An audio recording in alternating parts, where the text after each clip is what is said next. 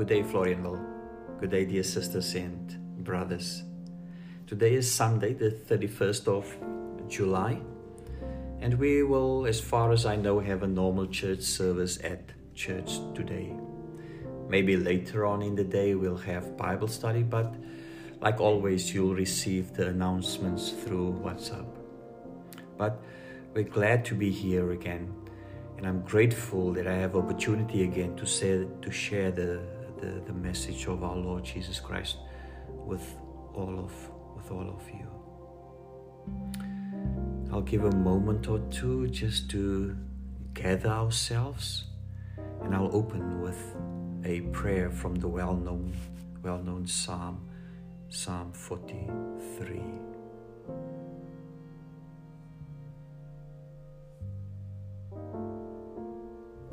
send me your light and your faithful care. Let them lead me. Let them bring me to your holy mountain the place where you dwell. Amen. Brothers and sisters grace be upon you. Our text for today is from the book of Luke, Luke chapter 12. Now, the text comes from the lectionary, and I've decided to follow it uh, for this period that we are in, you know, the period of, of kingdom time. Die leesrooster beveel gewoonlik tekste aan en alle kerke volg dit. In die afgelope tyd het ons stil gestaan by die boek van Lukas. So ek volg hierdie voorgeskrewe tekste ook vir ons in hierdie koninkryks tyd. Ek sal Lukas 12 vanuit die Afrikaanse vertaling lees, die 2020 vertaling. En is Lukas 12 vanaf vers 13 tot 21, die gelykenis van die ryk dwaas. Teksgedeelte lees soos volg. Iemand het die skare het vir hom gesê: "Meester, sê vir my broer om die erfenis met my te deel." Maar hy antwoord hom: "Mens, weet my as regter of bemiddelaar oor julle aangestel." Toe sê hy vir hulle: "Pas op en wees op julle hoede vir elke vorm van gierigheid. Want 'n mens se lewe word nie bepaal deur die oorvloed van sy besittings nie." Daarna het hy vir hulle die volgende gelykenis vertel: 'n sekere ryk man se plaas het 'n goeie oes opgelewer. Hy het vir homself toe afgevra: "Wat moet ek doen? Want ek het nie meer plek waar ek my oes kan opgaar nie." Toe sê: "Dis wat ek sal doen. Ek sal my skure afbreek en groter skure bou. Daarna sal ek al my graan en my goedere opgaar. Dan sal ek vir myself sê: "Mens, jy het baie goed opgegaar vir baie jare. Ontspan. Eet drink en wees vrolik. Maar God het vir hom gesê jou dwaas. Vannag nog sal jou lewe opgehuis word. En wat jy bymekaar gemaak het, aan wie sal dit dan behoort? So gaan dit met iemand wat vir homself skatte bymekaar maak en nie in God ryk is nie. That last part of verse 21 is also our theme for today, rich in the things of God. But first, a little bit of background, because this really struck me um, while reading about the text. Well, Luke is telling the story of Jesus Christ. We know this. But he's not merely retelling the story. Like, for instance, Mark. Or like you would tell a story to write a police report, you know, precise. It's not like that. Luke is writing the story of Jesus 80 years after Christ, um, and a lot has changed since Jesus walked the earth. And Paul did his missionary work more or less 50 years uh, ago. The church that we learn of in the book of Acts, it's not the same anymore. In Acts, we learn of thousands of Jewish people repenting when Peter had his sermon on Pentecost Day. And we learn and we read about a vibrant church, a motivated church, a caring church, a church that prays and spread the gospel of their Lord Jesus Christ. It is actually no longer the case. 80 years after Jesus Christ. And when Luke started to write this gospel of, of, of him. You know, the repentance of Jewish, Jewish people almost completely stopped. The church has almost completely became a Gentile church. Met ander woorde, in hierdie teks wat Lukas se evangelie skryf, is dit eintlik dalk net heidene wat deel raak van die kerk en wat tot bekering kom. And that was the character of the church in the time of Luke. And this also led to tension within the different groups, the Jewish people on the one side and the Gentile Christians on the other side. Church has also become stagnant, lifeless. We almost cannot imagine that only after 80 years after Jesus Christ, Jesus Christ, this is the church uh, that we find in the in, in the time of Luke. So we have the second generations of Christians, and they're also experiencing a, an identity crisis. You know, they were literally asking one another, "Who are we really?" The return of Christ that was so eagerly awaited by the first generation of believers that also did not take place. So, this was the circumstances in the time of Luke. So, Luke is now telling the story of Jesus for this second generation of believers with all the problems they are experiencing. But when he tells the story of Jesus Christ within these, six, these circumstances, he highlights certain themes for instance, he talks about repentance, forgiveness. He talks about prayer, love and acceptance of enemies. He talks about justice and fairness among people. And also, Luke is highlighting certain groups of people, for instance, the poor. And woman is also very prominent in his gospel. He speaks about tax collectors and Samaritans. So, what is Luke doing? while the church is experiencing a very, very difficult time. He is pointing to Jesus Christ, but specifically, he points to the compassion of Jesus Christ and he calls the church at that time to imitate this life of Jesus Christ.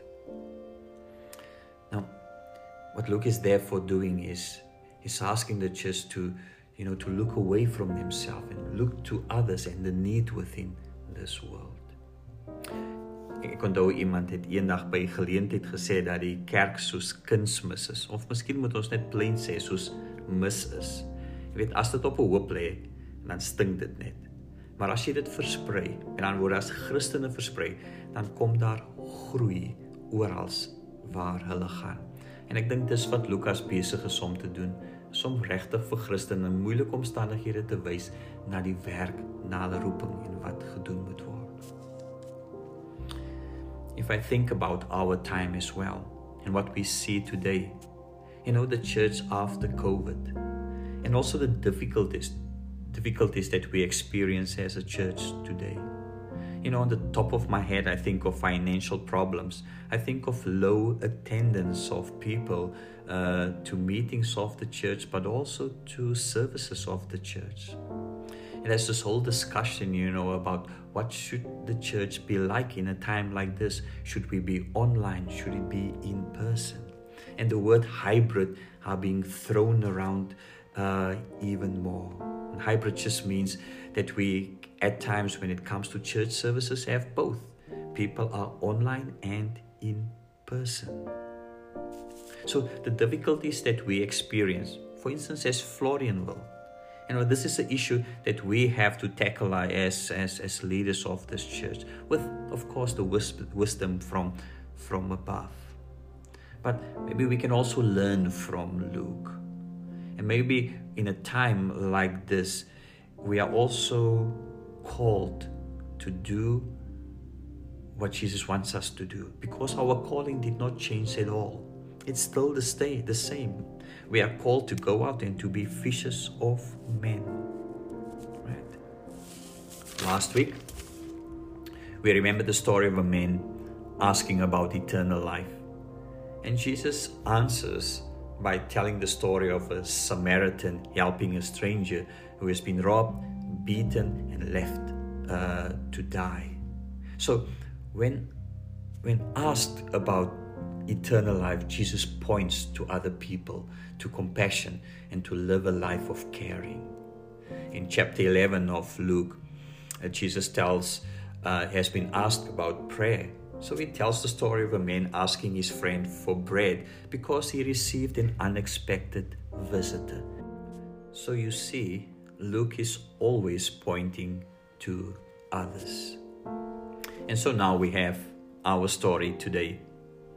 And we've read this in Afrikaans translation. A man asking Jesus' help so that he can get his inheritance.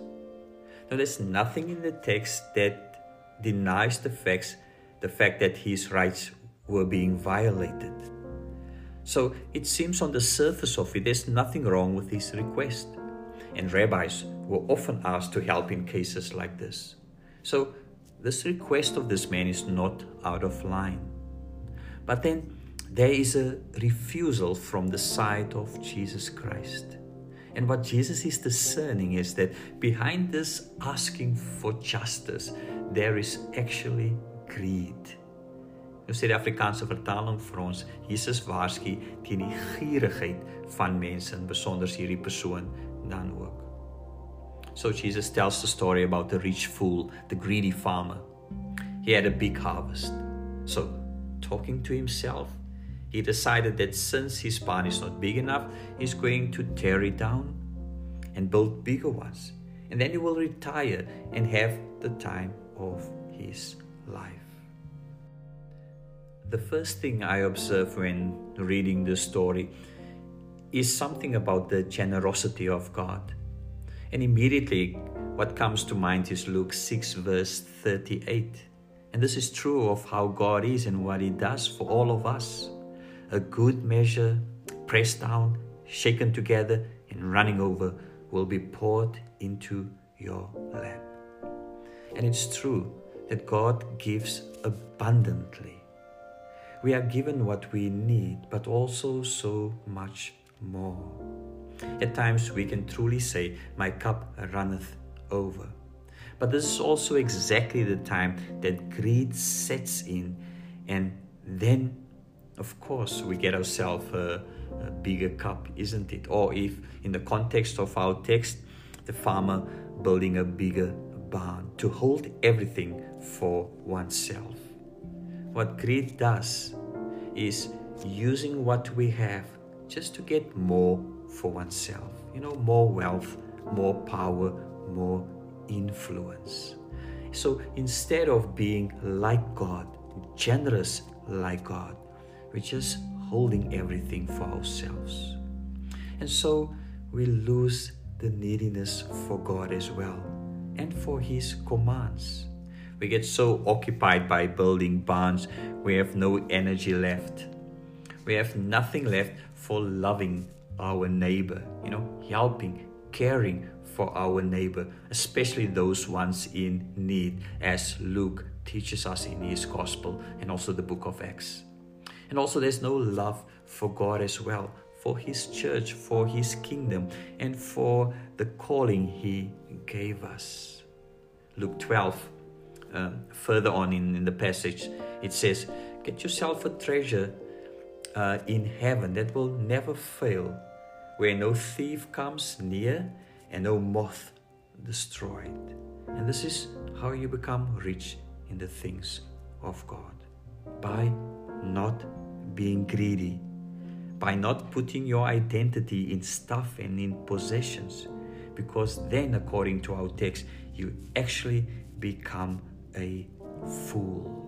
Because you remember the wrong things, you know, and you forget what is basically essential to life and what we are being called for, and that is love for God and love for others. And therefore, what we have, we use to serve and to bless others as.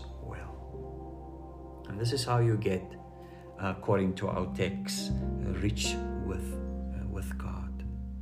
Richard Rohr says, also remember, based on this passage or in this parable that Jesus tells, remember everything changes, you know, and it can change overnight. So therefore, you know, remember to do the right thing. Also, Richard Ross says, you don't own anything. Not really. And that's maybe something to think about. Eugene Peterson also talks about the text and he says, Do not forget that time runs out. And there's so many lessons that we can learn in this passage, you know. Um, but I think ultimately for today, the thing is, and what we are being called for, is to be rich in the things of God. Eugene Peterson also tells this story um, based on our text. He says there's an old story of three apprentice devils who were coming from hell to earth to serve their time. Before they left, they told Satan that they what they proposed to do on earth. One said, I'll tell men that there is no God. That won't do, Satan said, because they already know in their heart, in their hearts that there is.